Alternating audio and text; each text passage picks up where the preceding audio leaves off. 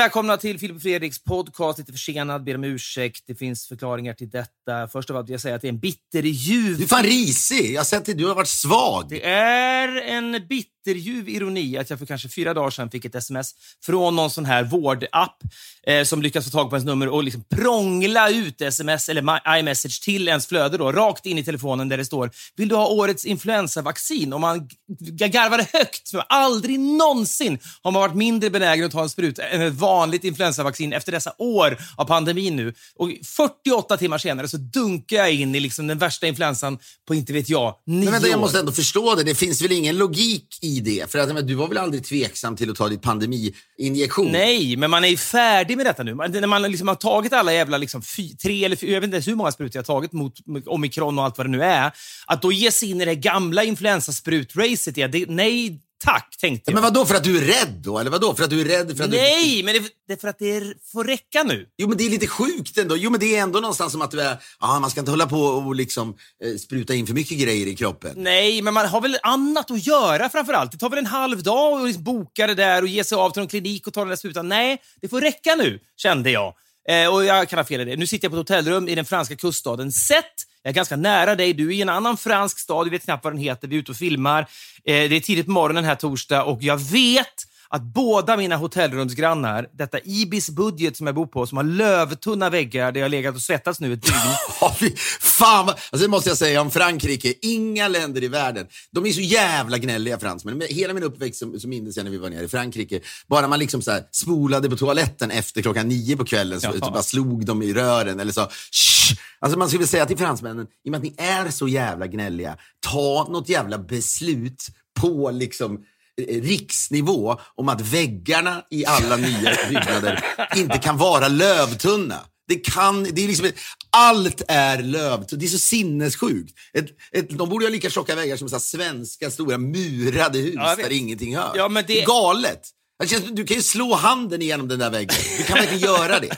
Man behöver inte vara Niklas Wahlgren för att greja det. Nej, Niklas Haglund blev känd för att han kunde krossa ett basebollträ mot, sitt, mot sin vad, va, sitt smalben, när han höll på med någon kampsport. Vilket känns både ljust och Han mörkt. kunde mycket sånt där. Ja, men båda mina hotellrumsgrannar här har Do Not Disturb-skyltar på franska då, uppe. Och jag vet att de nu har vaknat av min metalliska röst plus mitt nya Britta Borg-skratt, vilket är så här rossligt och jävligt. Så att, ja, jag kan bara beklaga det. Slash Ingela Agard. Ja. Det var ju liksom, Ingela Agard har väl... Ska vi lägga in Ingela Agards skratt i två sekunder bara? En klassiker.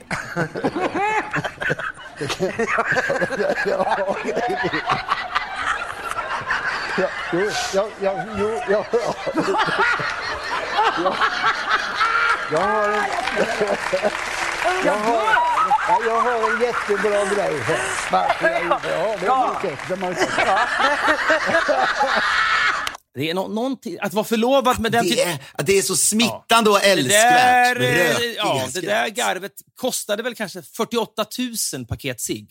Men sen så var hon framme och det kanske var värt det. Jag vet inte vad det gjorde för mer för skada på hennes liv. Kostade det också ett liv? Ja, jag har ingen aning. Jag vet inte om det Jag kostade vet inte livet som hon lever, men, men eh, låt oss hoppas. Nej, det gör hon inte. Det gör hon inte. Det finns mycket eh, jag, jag ville prata om. Eh, jag satt, eh, alldeles nyss satt jag på TV-nyheterna här och, och, och jag vill kanske hinna med fem, sex saker att prata om idag. Jag pressar mig liksom igenom den här feberdimman jag upplever nu. Jag har fått mediciner, vi har med oss en, en läkare. Du känns väldigt, väldigt forcerad. Alltså, mer forcerad än vanligt. Jag har också tre komp i kroppen nu. Jag tror att jag är liksom surfar lite på ett frampressat moln här också. Vi har också en fransk gammal, gammal läkare med oss på den här resan. eh, Av, en slump egentligen bara. Som då, eh, han är härligt gammaldags, skrupelfri, 78 år gammal. Han har sett allt och han tycker att mediciner är till för att användas. Så när jag då fick eh, någon slags antibiotika mot det jag har, så sa han också det här tar allt even gonorrhea. Så att han, han, han, har den här inställningen. Det är också en typisk referens för honom. Om han tänker på en könssjukdom, då tänker han på gonorré som väl pikade 1900, inte jag, Ja, 79. men, jag ha sagt precis, men det finns ju ännu äldre. Vad var det sådana som har breakat igen? Vad är det, vad är det, nej, tyfus är ingen skö- könssjukdom, men det finns ju, väl- finns ju några till riktigt. När man tappar näsan? Ja, det är väl tyfus, va? Ja, det är väl tyfus eventuellt. Nej, men det, det var väl inte... De, var inte de, varför hade de mer Ko- för? kondylomen, ja, men kondylomen känns ju, det känns ju väldigt 70-tal, va? Ja, eller den nosar fan på 80-tal skulle jag säga. Ah, Syfilis. Syfilis är det vi tänker på. Syfilis är ju, har ju gjort en comeback i den amerikanska södern, sägs det väl? Va? Ordentligt. Och även uppe i, Ja. Kom du ihåg när vår kompis eh, som vi jobbade med, ska inte nämna hans namn ändå, vi kan inte göra det, men han var från Norrland. jobbade ihop. Och sen hade han varit hemma, han hade varit hemma över sommaren eller någonting.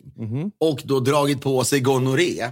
Ja. Och när han då kom till läkaren så sa han, du är den första människan i Norrland på 15 år som har gonorré. Och vår kompis stod det liksom, det var liksom lite fjäder i hatten-läge på honom. ja, verkligen. Att rama in diplomet och sätta upp på väggen. Läge, typ. Men jag ska bara säga om läkaren, jag tycker det är intressant det läkaren också sa. Det är en fransk läkare och så vidare.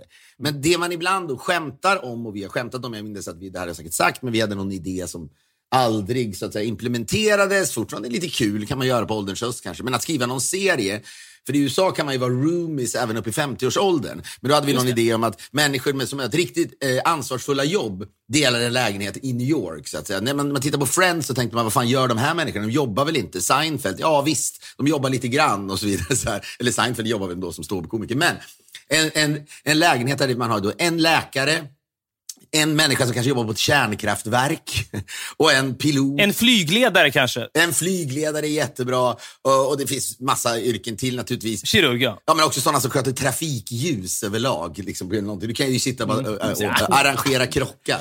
Ja, men vänta, vänta nu. Jag, jag vill ändå få, du tror att det finns en människa som sitter centralt och, och Nej, rattar tror jag inte. Jag sa bara nej. Det är Nej. automatiserat. Jag vet. Men det finns säkert något modernt yrke nu om du stänger ner det. Jag blir alltid lättad när jag inser att du, att du har en hyfsad grasp på, på verkligheten. Ja, men det, kanske en, det måste finnas någon som snarare skulle kunna hantera liksom, ja, men saker och ting vi behöver. Nej, det är väl också så här, bank-ID. Riksbanken då? VDn för Riksbanken, ja, Bengt. Dennis. En, en människa som kan släcka ner bank-ID. Det skulle folk tycka var jobbigt. Ja, ja men skitsamma. Att, att de skulle... Människorna skulle bo ihop och sen ur det då Ja. skulle man ändå se att de lever ansvarslösa liv. De, du vet, de sitter och festar till 04, hoppar, sen hoppar läkaren in i en taxi och säger fan jag ska göra en bypass här om två timmar. Och det har man då... Ja, verkligen. ja, och det där tror jag, det där, det där sprang ur att det kom någon dokumentär, någon brittisk dokumentär om flyg... Fan vad britterna älskar att göra liksom de älskar ju dokumentärer i flygplatsmiljö verkligen. Ja, ja. Och i Ibiza det kommer folk som ska smugg, liksom smuggla ut då, droger och så vidare. Eller in. Men då, då var det där att fan alla piloter eh, ofta är bakis när de då sätter sig och ska eh, ratta en 747 till New York. Jag tror att det var därför filmen Flight med Denzel Washington slog an en sån sträng när han häller i sig, liksom, han blandar hem, i hemliga drinkar till sig själv och man liksom kände så här, vad, vad härligt att Denzel Washington-piloten som sitter och kör, alltså fly, rattar planet full här nu, dessutom då nödlandar planet upp och ner eller vad fan det nu var. Det var helt otroligt ju.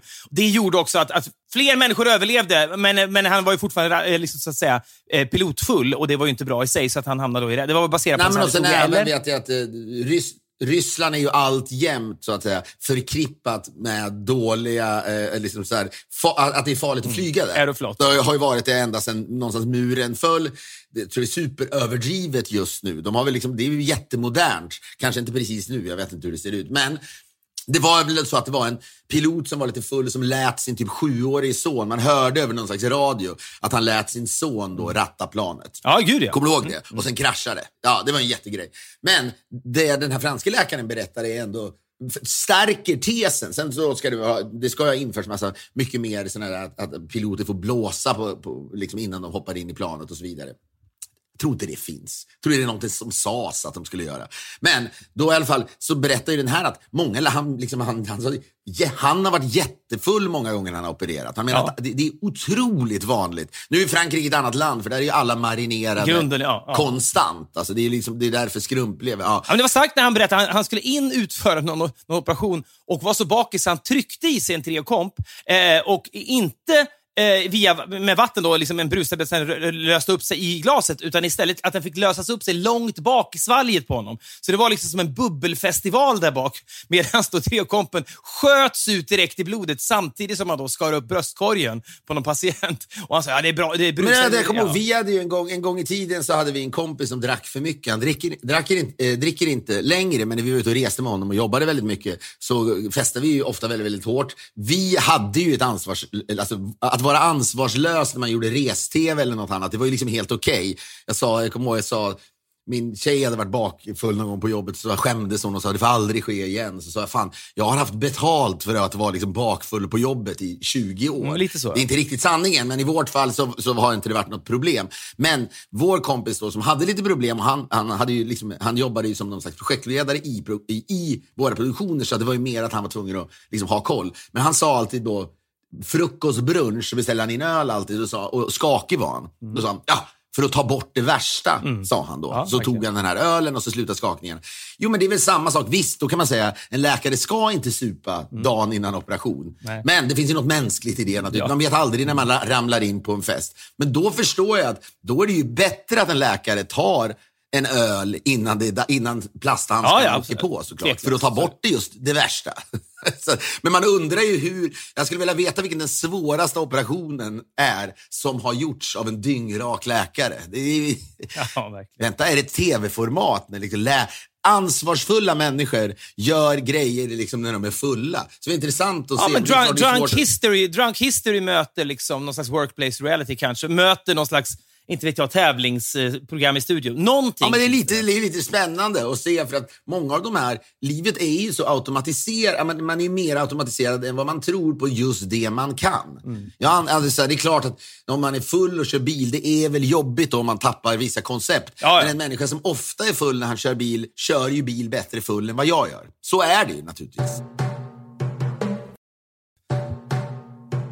En person som har varit full mycket då, för att göra en sladdrig övergång till det, så precis så på nyheterna här nu, som, som många också har pratat om senaste dygnet, det är då när fransk tv, de är helt besatt då av Sean Penn, som nu då alltså, det, jag vet inte, det måste ju vara gamla bilder, för han har väl varit i Ukraina tidigare.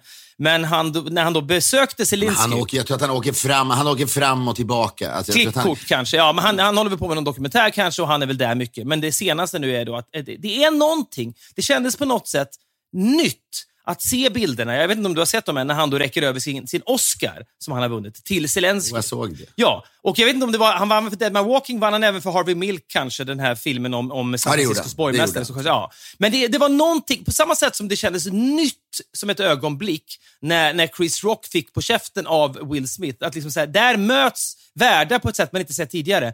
Det här var så blatant, en blatant krock mellan showbiz nonsens och blodigt, literally allvar i det här kriget. Och det kändes ändå inte helt fel. Det, var, det kändes intressant tycker jag, för att det går att fördöma det där. Vad håller han på med? Han säger också “You can return it to Malibu once the war is over”. Det är någonting att han bor i Malibu dessutom. Men vad var syftet? Vad var syftet? Nej, det var mer bara en sån här symbol. Den här betyder inte så mycket för mig. Det är bara skit. Det är Hollywood. Jag vill att du ska ha den här. Du är värden, du är värden Oscar för det du har gjort. Då. Ja, men, och det är också, han ägnar sig ju inte åt skådespel. Det är någonting med det som var så jävla galet, men ändå inte... Ja, men man kan också, man kan också, man kan också se helt plötsligt en, att, att, att Sean Penn är bättre på att paketera Ja. än vad man trodde. Det vill säga, du, du är bra på att paketera grejer. Men han får ju jättemycket, men han får än, det blir ju ännu mer spridning av det där. Ja, ja, men för grejen är så här, det är intressant med ögonblick tycker jag, som när jag ser dem så kan jag både se framför mig eh, ledarskribenten som skriver vilken skit det här är och så kommer jag hålla med.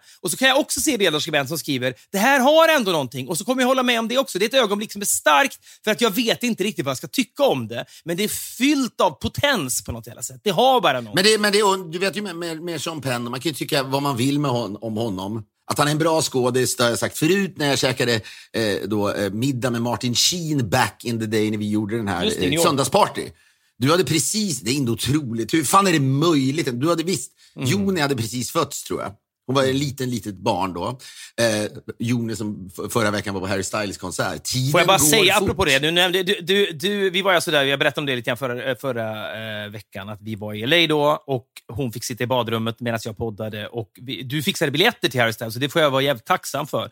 Det var alltså, jag ska inte lägga ut texter om detta för det blir mitt sommarlov på något sätt och det blir bara grisigt, liksom så här, exploaterande av barn på något jävla sätt som jag själv avskyr så innerligt när det sker på sociala medier. Men det var någonting när vi kommer in då, hon har sett Harry Styles tidigare på, på Tele2 Arena och står liksom... Det var ju starkt faktiskt när du sa till mig, jag hade sällan jag har hört dig så upprörd som häromdagen, att du sa att du nästan vill bryta kontakten med alla bekanta eller vänner som exploaterar sina barn på Instagram. Du är stenhård var Ja, men det var, ja, ja, det var bara någonting... Det kan du väl tillstå? Ja, ja, ja. Jag menar, det, det är verkligen eh, det är skitens skit när folk... Det är så lätt att drunkna i likes. Det här har också sagts förr, så det är inte så intressant för mig att säga. Det är lätt att drunkna i likes bara man lägger Jo, ut sina menar, barn. jag, jag säger, du, du är ju grann, ibland är du lite halv apolitisk. Så att säga. Du Ja, orkar men, inte ja. riktigt. Men det, där, det, var- det, Ja, det tycker jag men det var verkligen starkt. skit. Ja, och här åtminstone, jag lägger åtminstone inte ut en bild på henne. Men jag berättar åtminstone om att du har löst biljetter eh, till Harry Styles. Eh, och Vi kommer in där och hon, är helt inställd på, hon är 14 år gammal, hon är inställd på att vi kommer att stå 50-60 meter från scenen. Hon är glad bara att vi har ståplats. Så kommer vi in i det här The Forum, då, det här klassiska LA Forum som nu heter Kia Forum efter då bilmärket. Då, förstås, eftersom allt så ser världen ut nu. Vi kommer in i rummet och det är kanske liksom en timme kvar till konsert och vi är liksom inställda på att nu hamnar vi långt bak. Så kommer vi in i rummet och scenen är liksom bara där. Den är liksom sju meter ifrån oss och hon tittar på mig helt, hon ser helt chockad ut. Vadå? Kan vi stå här? Ja, det för, för det är en jävla chill stämning i USA. Folk minglar, folk går ut till baren. Folk har ingen brådska att tr- trycka sig längst fram. Så vi hamnar liksom, inte vet jag, sju meter från scenen. Harry Styles-fansen är, är snälla då, eller? Nej, men det, de, är, de är inte så stressade bara. De tänker att det börjar när det börjar. Vi hänger i baren så länge. Vi går runt och köper t-shirts så länge. Det är liksom inte den här stressen av... Jag minns när jag var på liksom, Guns N' Roses. När spelade de på Stockholms stadion, Fredrik? Back in the day, när jag gick i gymnasiet. 92, 92 kan man spela kanske, ja. 93 eller något Ja. sånt där. Ja, men då stod jag i The Snake Pit, Mm. som är alltså längst fram. Det är det värsta jag varit med om i mitt liv. Ja, men du vet, jag kommer ihåg en speciell resa för vi åkte in Volvo kombi upp och en av mina, eller två kompisar till mig låg med varandra under en svensk flagga i bakluckan. eller i liksom.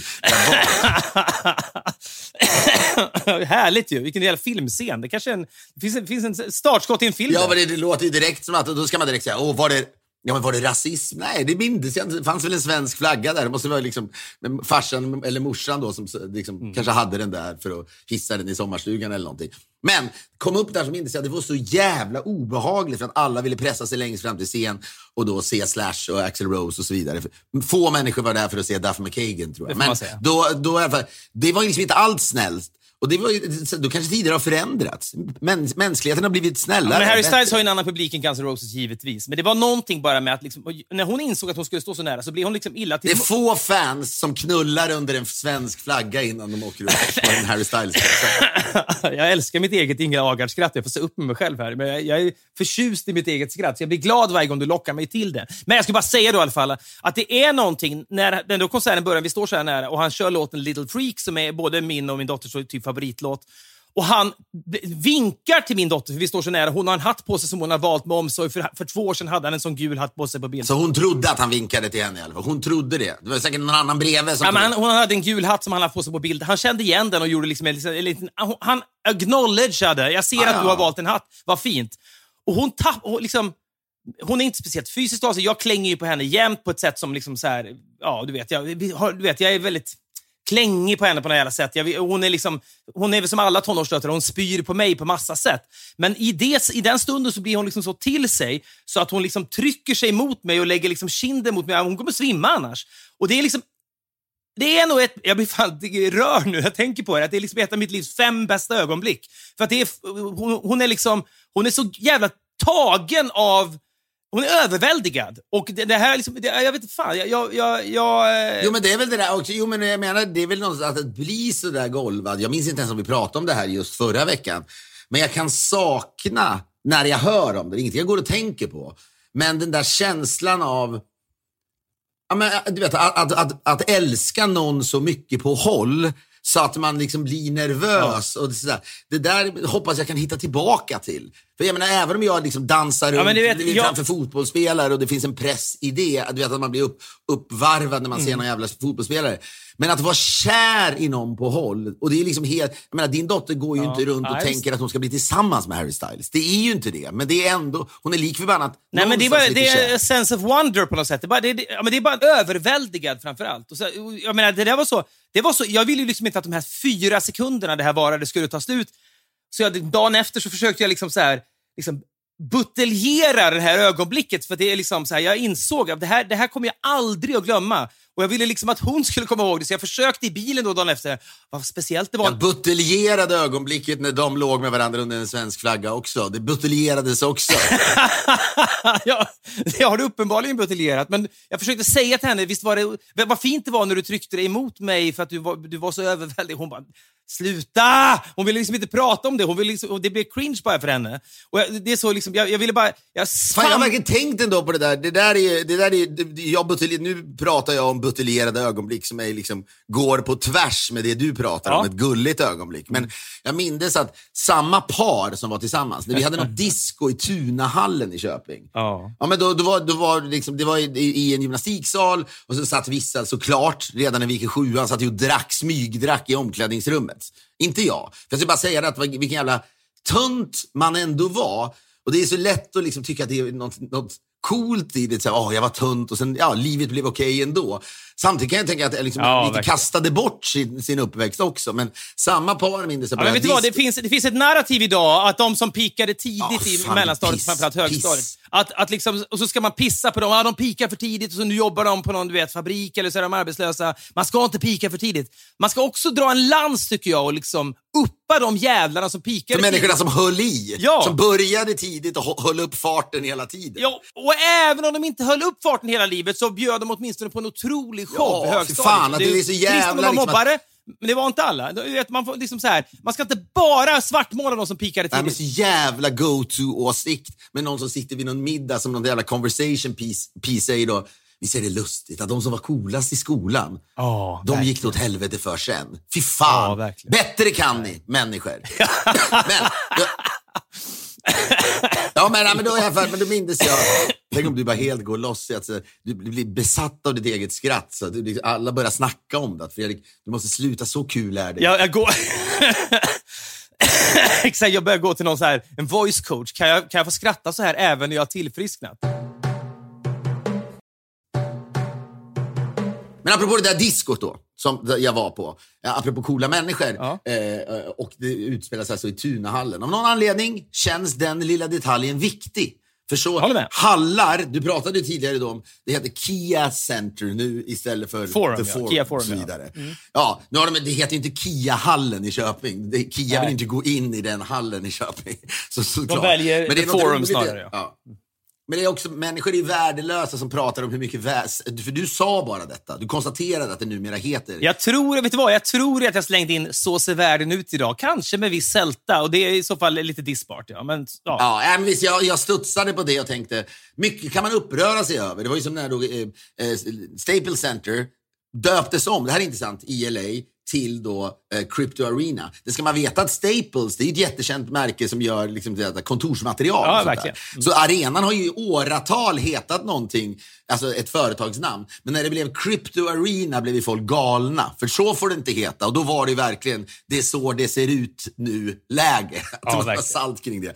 Men det spelar ju inga så här, mycket kan man vara upprörd över. Men man, man, man, orkar man vara upprörd över att arenor nu heter företagsnamn? Det är väl bra att arenorna finns och att man kan renovera arenorna. Och skitsamma, din dotter hade liksom, hon hade inte blivit ännu mer påverkad och omtumlad av Harry Styles som det fortfarande hette The Forum. Nej. Så är det. Tveklöst. Naturligtvis. Ja. Tunahallen. Men då så var jag där och så tänkte jag mycket så här, fan vad ändå vad töntig jag är. Och just det vi precis pratade om, att liksom, det är så lätt att då tänka så och sen någonstans eh, sekunden senare tänka, och ändå gick det ganska bra för mig. Famla efter revansch-storyn, ja verkligen. Ja. Ja, ja, men jag måste stoppa mig själv där då. Men för då mindes jag att samma par då, som knullade under en svensk flagga på väg till en Guns N' Roses-konsert 1990. 92 typ, ja. Sa. Två 92 eller tre? typ, ja. Ja. Då satt några människor och drack liksom, lite grann eh, inne i då, omklädningsrummet. Jag gjorde inte detta. Och eh, alltså, bara för att gå så långt, jag kommer till och med ihåg att när, vi, när det var tryckare då, jag var så jävla blyg, jag vågade liksom inte bjuda upp någon. Medan folk stod ju redan och vrålhånglade på dansgolvet. Och då kommer jag ihåg att den här mannen som knullade under, mannen, pojken som knullade under en svensk flagga. Han, jag satt på pingisborden hade de använt. Man kunde sitta där dingla med benen och vänta på att man skulle bli uppbjuden. Jag blev inte det, men då fanns det någon tjej som sen gillade mig. Som då såg jag att killen med, eh, som var under flaggan, liksom, han gick fram med en tjej, satte henne bredvid mig. Vi satt där stela. Han tar min arm, lägger den runt hennes då, hals och på axeln. Alltså jag hade varit så jävla handlingsförlamad. Så han gjorde det, så satt vi bara helt tysta där. Det blev ju ingenting av det. Men så gick jag ut i omklädningsrummet senare. Då skrev jag Hammar, var är du? Hammar! Hörde jag någonting från bastun. Öppnade, då låg de och knullade inne i bastun. Okay. Så han försökte, han försökte dirigera dig till hånglet, så att säga? Men då kommer jag ihåg att han skrev Det är nyttigt för dig att se det här, sa han. Och så låg de och skrattade där inne när de knullade. Det är nyttigt för dig att se det här. Ja, och det har gått ganska bra för de här människorna ja. sen. Så det behöver ju inte ja, alltid ja. vara på det sättet. Nej, nej, fan låt folk pika tidigt. Vi ska tillbaka till din middag med Martin Sheen alldeles strax. Jag ska bara säga, apropå Oscars, eh, med Sean Penn vi nämnde tidigare, och även LA då, min resa där, så, så hände det en nästintill otrolig sak när jag var på just Oscarsmuseet med Jon i förra veckan. Och jag, jag får höra mycket om detta museum. Det är nytt och man, det är liksom fem våningar. Ja, så många museer med. Alltså, liksom, så, ja, det, det är bilder och det är liksom så här, man borde sitta där och låta bilderna skölja över en antar jag. Men jag hittar alltid dåligt i museum. Jag, jag, jag tänker alltid, går jag in i rätt dörr och går jag ut ja, i rätt fan, dörr? Jag har aldrig hört det när du har varit och sett någon David Hockney-utställning i Nice i somras. Du ska alltid bara pissa på allt. Nej, men jag pissar på... Jag, det är ofta liksom så här, geografin inom, liksom inom museet jag har svårt för. Jag tänker så här, har jag verkligen sett allt nu? Är det inte mer? Har jag missat en hel wing kanske? Eller en hel avdelning? Känner mig alltid osäker kring detta. Vet du vad de borde bli bättre på med, borde bli bättre på med museum? Jag minns att du och jag någon gång var på Louvren. Mm. Fan, vi har varit på många ställen. Mm. Men vi bara gick och gick av. Vi, vi, vi, det kan man väl erkänna. Vi, vi, var ju på jakt efter Mona Lisa. Så var det. Det, det, ja, det, det fanns ja, liksom. Ja. Men då var det liksom, man skulle gå det bara, bara runt, runt. Det tog så jävla lång tid. De borde bli bättre på att bygga genvägar på museum, för då hade ju även köerna utanför. Men då, vet du vad? Ikeas pilsystem. Så här går du. Här kan du gena till kassorna. Det, som, liksom på golvet inne i museum. Så här, gå här om du vill se allt. Gå här om du vill gena förbi liksom, det, liksom italien, eller det franska liksom, 60-talet filmen eller någonting. Alltså, det finns ju den typen av kundupplysning. Men att det skulle stå någon, det stod ju alltid någon, eh, på, på väldigt fint tycker jag, på Ikea i, i Burbank i Los Angeles, så står det en eh, äldre svensk man och hälsa mm. välkommen. Så jävla mm. nice. Du vet, för att det ska vara lite svensk flavor. Jag pratade med honom någon gång och hans, ja, men hans barn bodde i LA, likt mig lite grann sådär. Och sen så hade han, när han pensionerade, han och hans fru sagt att vi kan lika gärna flytta till LA. Han ville ändå ha ett jobb, får jobb som att hälsa välkommen på eh, då Ikea. Men hans, och, och, fint tycker jag, men hans, han säger just där, är du bara här för att köpa liksom, eh, värmeljus, gå bara ja. rätt in där så kommer du dit. Det borde vara en människa på Louvren som säger, är du en människa som på allvar bryr dig om mm. konst ja, och vill se hela historien, ja då ja. går du till höger. Är du, en, är du en del av majoriteten, en person som bara vill se Mona Lisa, gå till två vänster. Dörrar. Det fem två dörrar till Louvren. Här är den som vill se allt, här är den som vill se Mona Lisa. Det, det, det, ja, det vore själv... Fan vad man skulle kunna styra upp branscher känner jag. Om man bara fick chans. Tjäna mer pengar! Louvren skulle tjäna mer pengar också. Bakom Mona Lisa ska det också vara en dörr. Ja, rakt ut. Ja, och bakom, bakom Mona Lisa så här, då ska det finnas direkt en utgång. Bara rätt ut. Ja, men en, nästan en sån här vet, som brandstationsstång man kan glida ner för så det går undan också. Tjoff, glid ner här så är du ute på gatan direkt. Men då är jag i alla fall inne på det här museet och vi går runt där och det är vad det är. Jag försöker liksom kontextualisera lite grann för Joni, hon är inte jätteintresserad. Men det är väl nyttigt att göra någonting mellan, all, mellan alla måltider. Liksom. Eh, och sen sist av allt, då, sista våningen, när man har sett allting, då kommer då våning fem och det är då Black Cinema. Och Det är då väldigt, väldigt genomarbetat. Det är väldigt bra timing i det här museet. är kanske två, tre år eh, liksom gammalt bara, tror jag. Men det är en, en, en odyssé eh, genom afroamerikansk... Ja, eh, verkligen. Och, och, Det är liksom tidiga filmer och sättet att liksom svarta porträtterats på. Och det är liksom Blaxploitation och sånt där kanske, va? Eller hur? Ja, ja verk, ja, dels, dels är det det. Och så är det då när den första, första svarta skådisen som vann en Oscar hette då, jag minns detta nu, Hattie McDaniel. Hon som spelar Husan i Borta med vinden. Hon var då den första äh, svarta skådespelaren som vann en Oscar. Men vänta nu, jag trodde Sidney Poitier var den första afroamerikanen som vann en Oscar. Men alltså en kvinna som vann tidigare. Hon vann 1940 för Borta med vinden. Eh, och man ser då hennes tal. Eh, och hon får ju då, det också, står ju då under tvn, det är ju starkt. Hon får, under ceremonin fick hon, hon och hennes man fick inte sitta med de andra.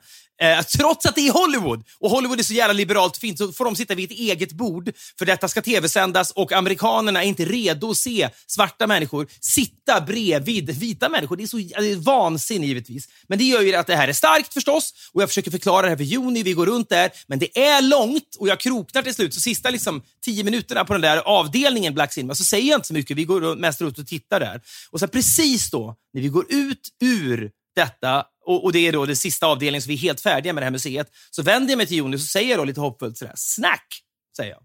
Eh, för jag tänker nu måste vi ha i något, något sött. Och hon tittar på mig lite, ser lite frågande ut, men jag tänker ja, hon är väl trött och manglad av alla de här intrycken, så hon, ja, det är väl lugnt. Så vi går ner till någon, någon liksom shop och så köper vi varsin donut och så sätter vi, trycker i oss den. Och Sen så är det inget mer med det. Vi åker vidare i bilen och sen efter en timme så säger hon plötsligt, pappa, Ja, och jag är bara överraskad att hon tilltalar mig överhuvudtaget, för oftast är det jag som initierar eh, konversationer då, eftersom hon är tonåring.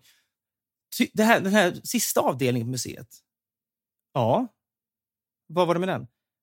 Tyckte du att det bara var snack? Alltså?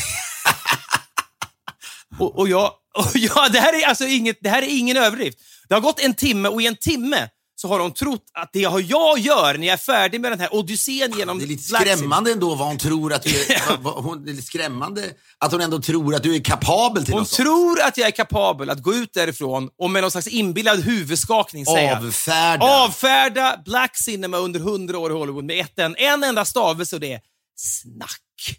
Så det, ja, det är så, alltså, Men det är inte olikt. Det, varför, men du, men det är olikt. Det som är, är det mycket som är, är lustigt här. Men du är ju en människa som sällan slarvar med språket. Vad, snacks är väl alltid plural? Så att det är väl snacks? Nej, ett snack. Vi, det är så, vi brukar säga att nu är det dags för ett snack. Säger man ofta, ska vi ha ett snack? Ett, ja, men grejen är så här. Jag, jag uttalar snack i det, i det där, vid det där tillfället uttalar jag uppenbarligen snack mittemellan snack och snack, det vill säga någon slags snack. Mittemellan. Och hon tolkar det som att jag säger snack, punkt, punkt, punkt. Och det där var väl bara skit. Det där orkar man inte med. Och hade hon då inte lyft detta en timme senare så hade hon ju då i hela sitt liv trott att detta var vem hennes pappa var. Och hela den Harry Styles buteljerade ögonblicket, allt det hade varit literally borta med vinden om hon inte hade dryftat detta och jag sen under en timmes tid. Tänk om du hade gjort ett test. Man gör ju inte sånt, för man vill inte lura sina barn. Och du hade bara väntat. I ögonblicket insett, nu har hon trott att jag menade att det var snack. Jag ska, jag ska fortsätta tro, låta henne tro att jag tycker att det här är snack. Så du ska säga, ja verkligen. Den, där, den, den här delen av museet tycker jag absolut inte att de skulle, skulle haft med. Det, är liksom, det dödade hela min upplevelse. Nej. Undrar fan vad som hade hänt då. Det fortsatte helt tyst under resan. Hon har tagit upp det med, med Johanna ja. när hon kom hem. Vet du vad pappa sa? Ja, men vet, man, ja, men, hur många sådana ögonblick i livet händer ändå som inte blir utredda? Jag hade sån jävla tur att hon ändå dryftade det detta. Kanske för att hon tyckte det var så out of character att jag på något slags Brunnbergs sätt bara skulle liksom, äh, snack! Nu räcker det! Nu får vi för fan, nu får det, nu får det bli något annat här. Nej, det var, det var vedervärdigt men tursamt. Men, Martin Sheen då. då. Och visst, du hade ett nyfött barn, Joni var nyfödd och eh, eh, det var naturligtvis mycket att göra och Pella var uh, liten och så vidare och Johanna hade att stå i såklart. Det var, det var ju lustigt för men vi, var i New York, vi var i New York och filmade i fyra månader. Jag var inte ute en... Men du hade ju nanny! Ja, men det var ju på dagtid ändå. Alltså, så här, vi gick inte ut en kväll. Vi åt en Ben Jerrys eller Häagen förpackning per kväll. Jag måste ha gått upp 10 kilo bara i ansiktet. Det finns en bild på mig när jag står bredvid Malin Åkerman, Håkan Hellström och Kevin Spacey som var gäster i sista programmet.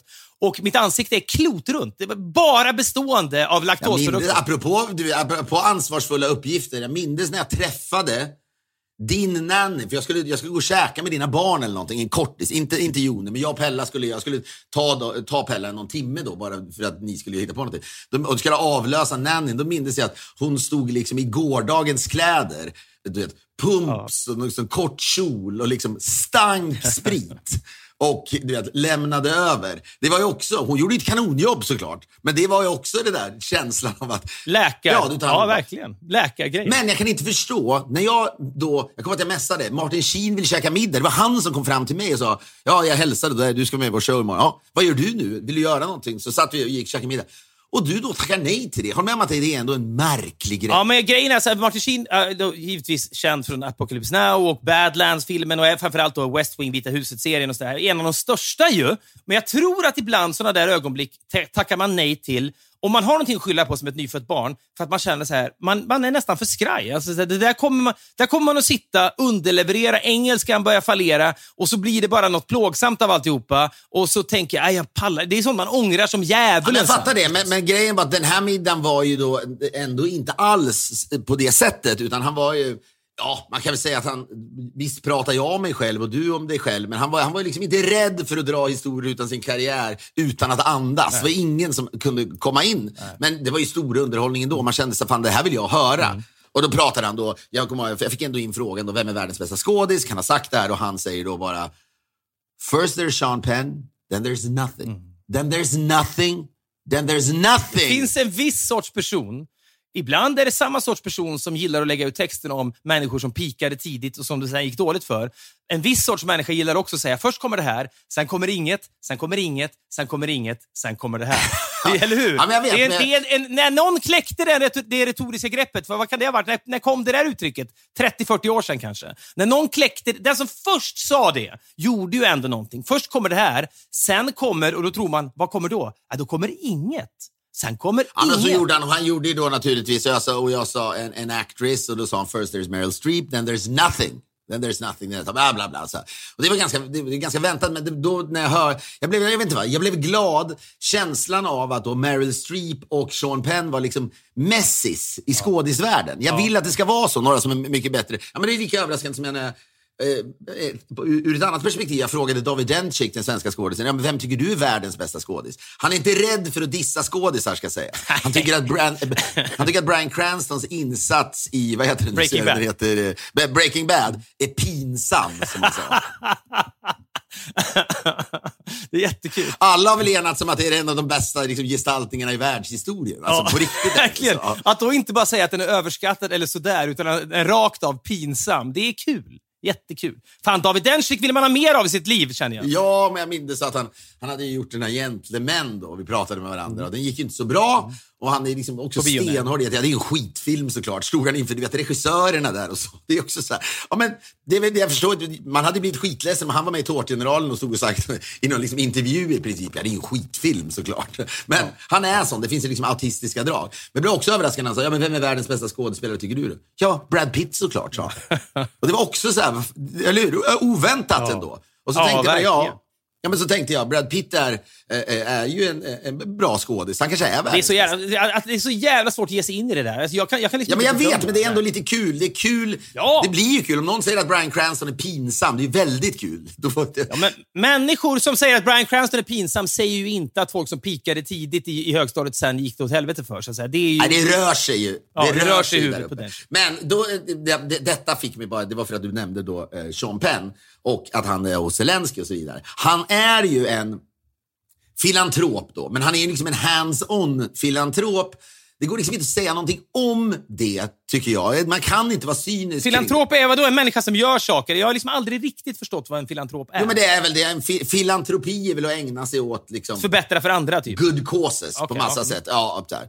Och det kan väl vara i, i pengar och så vidare. Det är väl vanligt. Men när man fick höra att han, du vet, han bor, har bott på Haiti i ett tält i liksom flera år mer eller mindre. Sen åker han väl hem och gör någon film och så vidare. inte flera år ändå. Det, det, det har Men fram och tillbaka. Jag tror att han var väldigt, väldigt engagerad efter jordbävningen där. Och sen liksom, har det bara fortsatt. Och han har varit engagerad då. Vet du vad som skiljer eh, Sean Penns tält på Haiti från det här hotellrummet? det, det, ja, det, det är tunnare väggar i ditt hotellrum än i tältet, eller? Ja, exakt så. ja, exakt. Men, exakt. men, ja, men då i alla fall, då, om det här med eh, då Haiti. Jag blir ändå så här, det kanske då är intressant, inte fan vet jag, men jag känner fan respekt att han gör detta då, att han bor på Haiti. Därför tänker jag även med Oscar att Nej, vad fan ska jag dissa det? Han har en tanke med det här. Han gör mycket mer än vad jag gör. Eh, han, liksom, han, han gör ganska få filmer om man tänker på det. Och sen han, är resten av tiden så sysslar han ju med annat då. Istället för när vi snackade om att Julia Roberts någon vecka sa väl att när hon fick frågan liksom, ja, är det nu, min karriär är kanon, but my biggest achievement is being able to come home to my family. Ja. Det, det är ju liksom bedrövligt sagt. Det är liksom så här, och det är bedrövligt gjort också på så sätt. Att det är det enda du tycker är en achievement. Alla borde åka till Haiti, jag kommer säkert inte göra det, men man kan ha liksom som målbilden att man gör något. Ja, men någonstans, man kan ju befinna sig någonstans mellan Julia Roberts platthet och Sean Penns filantropi. kanske. Det, någonstans där befinner sig David Dencik. Han skulle aldrig säga att hans största achievement är sin familj. Nej, han är noll filantropi på Dencik skulle jag vilja påstå. Jo, jag vet, men han, ja, visst. 0,0 till och med kanske. Ja, men det är också en typisk typ av människor som säger 0,0 för att Ja, jag liksom med eftertryck. Men jag pratade med min vän Brian innan jag åkte till Frankrike och han var över på lite middag. Och så, eh, apropå Haiti, så, så sa han, och det här jag har alltså helt ärligt ingen riktig koll på exakt hur det såg ut på Haiti. Jag vet ju att det har varit piss länge. Eh, men då sa han att det, det är, kanske är världens mest laglösa land just nu.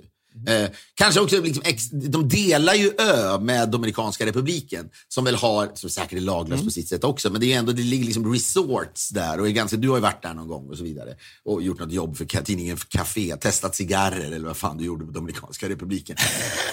ja, typ alltså. Ja, mest, gol mest golvad av att när man beställde rom och cola så var rommen billigare än kolan. Så man fick liksom 80% rom och 20% cola för att de gör ju rommen där av sockerrör. Så det var liksom, det var, det var, det var den gamla sägningen, det kom rom ur kranarna på hotellrummet. Det var nästan sant. Ja, men då så har du då Men absolut den här huvudstaden då på Haiti, Port-au-Prince. De, de har alltid känts laglös. Och sen, du vet, de har, ju- de har haft det tufft. Jordbävningen var ju katastrofal. Det var ju då där Sean Penn har varit och, och jobbat. Carola var väl där en gång också och du vet, hade med sig en parfymflaska till något av, av ett barn. Ja, sin egen parfymsort tror jag hon ville ge till ett barn. Som till och med, som då, när Aftonbladet-reportern frågade vad, ty- vad tycker du om den här presenten? Jag skulle hellre haft något att äta. Kan du tänka dig vad, vad, vad han sa då? Eh, om Sean Penn hade fått reda på det. What the fuck! han skulle inte Ja, det är bedrövligt. Men då, Det är lågt hängande frukt du Ja, klagar på. men då eh, eh, började Brian prata om det här. Det finns ju laglösa länder, herregud, i, i Afrika och så vidare naturligtvis. Och kanske i Asien också. Eh, och andra ställen, inte fan vet jag. Men det var ju för en tid sedan blev ju presidenten, eller premiärministern, mördad där. Och så tog någon annan över. Mm. Och eh, nu så är det laglöst. Och eh, då, den här nya presidenten på något sätt har varit ute och sagt att titta vad hemskt vi har det här. Vi behöver, vi behöver hjälp eller någonting. Och då be- berättade Brian att hans son hade sagt att han liksom inte förstod if we're sending weapon and money to the Ukraine, why aren't we helping uh, uh, Haiti as well? Eh, Och, och, du vet, och det är samma sak med vad fan, du vet, varför, varför går inte USA in i Iran och bara störtar liksom, mullan eller och, Ja. vet, ayatollan och så vidare? Ja.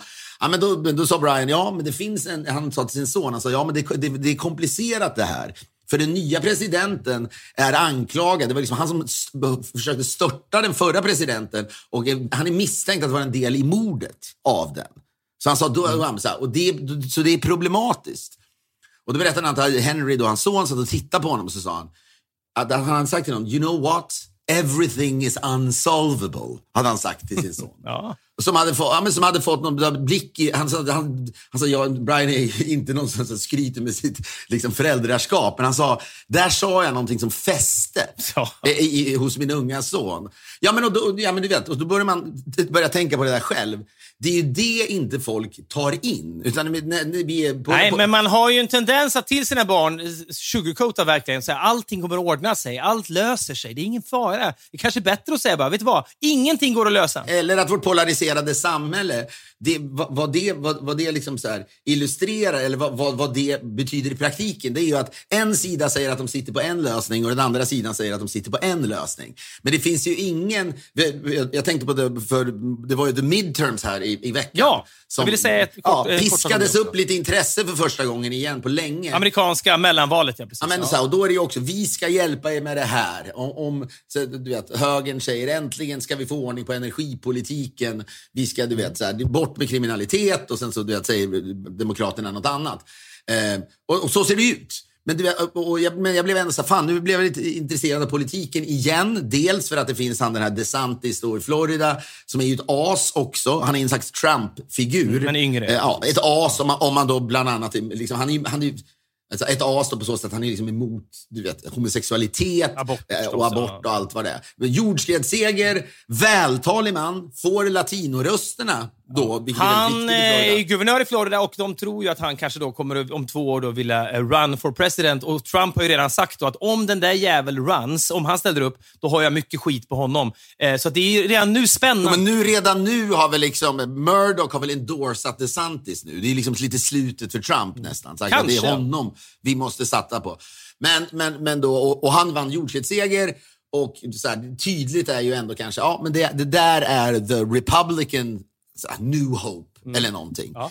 Men så, då, och då tänker man, vad fan är det som ska liksom vara Demokraternas hope? För det är ändå ett problem med Biden känns det som. Han är ändå skakig när han går upp för trappor. Och Ja, men det man för två år sedan trodde om Kamala Harris var ju också att så här, hon kom, sen, sen när han är klar, då kliver hon in. Men hon är ju inte så populär. Och det, det, det går liksom inte. Nej, och omgärdad av rykten om hur de behandlar sin personal och, eller sina anställda och så vidare. Men då plötsligt, out of the blue, då jag gillar, du, eh, liksom, jag gillar amerikansk politik. För man, kan man, man vet att förr eller senare så dyker det upp en ny superstar på båda sidorna kanske. Det är länge sedan det gjorde det i Sverige. Det känns inte som det funkar på samma sätt. Ska man komma dragande med Bengt Westerberg? Jag vet inte. Westerberg-effekten, alltså Folkpartiet 1985 låg i skiten, Bengt Westerberg tog över. De gick upp från typ 3 till 14 procent. Det var helt enormt. Och den här Bengt Westerberg-effekten då är ju namnget efter den valrörelsen som ju var Ja, men och Jimmy Åkesson är mer en lång och trogen Ja, tjänst-grej ändå, om man nu är på det hållet. Han har ju funnits liksom länge och så vidare. Var det inte för övrigt jag rörande, det var någon som Stockholm filmfestival eller någonting igår läste jag bara att Fares Fares fick Lifetime Achievement Award. Är inte, det lite udda ändå? Han är, hur gammal är han? 46? Ja, det är väldigt, det är väldigt udda. Det är väldigt udda ändå. Ja, apropå lång och trogen Så ska jag bara, bara säga, apropå liksom allting är unsolved och så vidare. Men då, så plötsligt dyker det upp något. Och det här är väl därför man... Alltså, du och jag är liksom intresserade av amerikansk politik, men det är också pinsamt. För så länge det inte är något val som är på G, Nej. då liksom zonar vi ut totalt. Ja, och det sen, midterms hade jag nästan zonat ut. Men så jag kommer jag sa till dig också, vi pratade bara liksom kvällen innan the midterms, att det finns ju en ny kille då i Pennsylvania Ja. som, eh, det var ju en, sån, det en väldigt viktig stat. Nu får vi se hur det går om, om, om eh, Demokraterna fortsätter att ha kontroll över senaten och så vidare. Men det var en viktig delstat där då en kille som heter Fetterman, Fetterman, ska ja. gå upp mot John Fetterman ska gå upp mot Dr. Oz. Som, som har, Ja, men det, det där valet, jag läste ju mycket om det. Det var ju perfekt mikrokosmos av, av USA på, på något sätt. Då. För den här Oz är ju då en, en tv-läkare, rakt av, han är endorsad av Trump. Han är liksom en, en, ja, men en riktig klassisk republikan som liksom dessutom då kommer från showbiz, någon liknande apprentice-resa liksom, resa som, som Trump har gjort fast som tv-läkare då istället. Och superslick abortmotståndare förstås. Ja, men också frisk. Ja. Han är liksom frisk Sund. och läkare. Medan så den här ganska unge då, Fetterman, som också är, han har alltså hoodie, han är tatuerad, liksom kraftig, Mm. Skallig. ser ut som den här pod, ja, ser ut som, eh, vad heter han, Joe Rogan Ja. i princip. Och samtidigt stand-out eh, Harvard graduate. Det gillar man direkt. Och då tänker man, man ser ibland när det känns, nu åker vi in i en annan era på något sätt. Eller det här har vi aldrig sett förut. Verkligen. Man har väntat på när en ansvarsfull person är tatuerad ungefär. A- ansiktet utåt för hur demokrater brukar se ut så är det som så här Pete Buttigieg, eller vad han heter, den första homosexuella eh, Ja, presidentkandidaten. det. han, han ser ut och är precis som demokratiska presidentkandidater brukar vara. Mild, snäll och demokratisk. Den här mannen kanske också är mild och snäll, Fetterman, men han ser ut som Joe Rogan och han är liksom... Ja, men det är något helt, Något helt nytt. annat. Och då förstår Helt- man, vad, vad, man förstår vad, liksom, var, hur jag är, är, är en liksom, Yt, ja, man är ytlig. så, så här, jag är beroende av det där också. Ja, men, så här, man, direkt blir man intresserad. Och han, då, han, han vinner också det här valet, trots att han bara för några månader sedan hade han då en stroke. Ja, men han, han går ju upp mot, han går upp, upp mot den här Dr. Oz, det, är så, det låter ju parodiskt bara, i senatorvalet då i Pennsylvania. Det, det är asviktigt. Han får en stroke och alla tänker så här, nu är det kört för honom. Han ledde i liksom, opinionsundersökningen innan. Han får en stroke. Sen är det någon debatt och det första han säger då är ja, jag har ju haft en stroke. Det är elefanten i rummet här. Jag kommer få vissa meningar fel här, but I'm on the way back if you believe in recovery. Och du vet, och så står han och säger det här och då plötsligt får han ju ett jätterush i opinionsundersökningen. Han tar upp det här till ytan. Det är alla Ja, och han vinner då mot Ja. Dr. Oz. Och nu känner man helt plötsligt, ja, om man inte liksom, han, han, han, om Kamala Harris då möjligtvis är den som ska liksom bli, officiellt bli liksom presidentkandidat för Demokraterna, så åtminstone vicepresidentkandidat. Och så, det kan ju liksom verkligen ändå hjälpa fram det, liksom presidenten också, eller. Ja, men det, är- det är så här, så här, det är ju det, men det, det, det som kändes med det där var att det, man vet ju hur det är. Man, han kan blåsa upp nu, sen är han helt borta om två år. Han kan, liksom, någonting kan hända. Och jag vet, men det är någonting, han verkar ju, han verkar liksom också väldigt, han verkar ju liksom kunnig i. Men där förstår man the aesthetics. Ja, men, plö ja, men plötsligt, här, och han är jätteengagerad i, liksom, i fackföreningar och han är liksom en klassisk demokrat, men han ser hård ut. Han ser inte ut som en mes som alla demokrater alltid har gjort. Det är det som är så, alltså, ett val mellan DeSantis i Florida och Dana Fetterman skulle bli lika otroligt... Ja, men du vet, det är så jävla tydligt. DeSantis kommer ju kunna säga, vill vi ha en tatuerad du vet, president? Ja. Stroke-drabbad president. Ja, du vet. Ja, det, Ja, men det, jo, men även tatueringsgrejen är så tydlig att det, liksom, han, det ser ut som han liksom är smutsig och dekadent. Men där har vi någonting som man fan lockas av, att man måtte det nu bli det här racet. Men jag tänker också att om då han, på samma sätt som man säger, I'll be missing a few words here and there. Det var liksom lite nytt att vara så fragil, att då också säga Most things are unsolvable. We just need to deal with them as good as we want. Undrar om det kan vara ändå där vi till slut kommer hamna också. När man säger så här, det går inte att lösa det här rent eller helt Nej. perfekt. Vi får göra vårt men vi ska bästa. göra så gott vi kan tillsammans. Det Ja. kanske är det som är politikens framtid. Fetterman som en liksom unsolvable-anhängare som får med sig hela USA. God Ja, men kanske knows. kom ihåg var ni hörde det först, eller först ish snarare. DeSantis mot Fetterman 2024. Det kan bli några helt andra, men någonstans gillar vi att prognostisera. Ni får gärna mejla oss till podcastetpoddff.com. Vi tycker så mycket om att höra. Vad gillar vi mer? Vi gillar att buteljera. Ja, det gör vi verkligen! Och jag tycker vi går ut den här podden med Harry Styles. Jag är ju ett fan av honom nu förstås. Min dotter har spelat honom en hel vecka. Låter Little Freak som blev våran lilla jävla stund. Jag vet att det är smetigt. Jag gör det här så sällan. Låt mig bara ha den här stunden. En av de fem bästa i mitt jävla liv när vi står och i fem sekunder håller om varandra till den här låten. Sen evaporerar allt och det är som vanligt igen. Vi hörs igen om en vecka. Förlåt vårt lilla dröjsmål. Hej! Little freak Jezebel, sit high atop the kitchen counter. Stay green a little while. You bring blue lights to dreams, starry haze, crystal ball. Somehow you've become some paranoia, a wet dream just dangling. But your gift is wasted on me. I was thinking about who you are, your delicate point thinking about you. I'm not worried about where you are, who you'll go home to. I'm just thinking about you.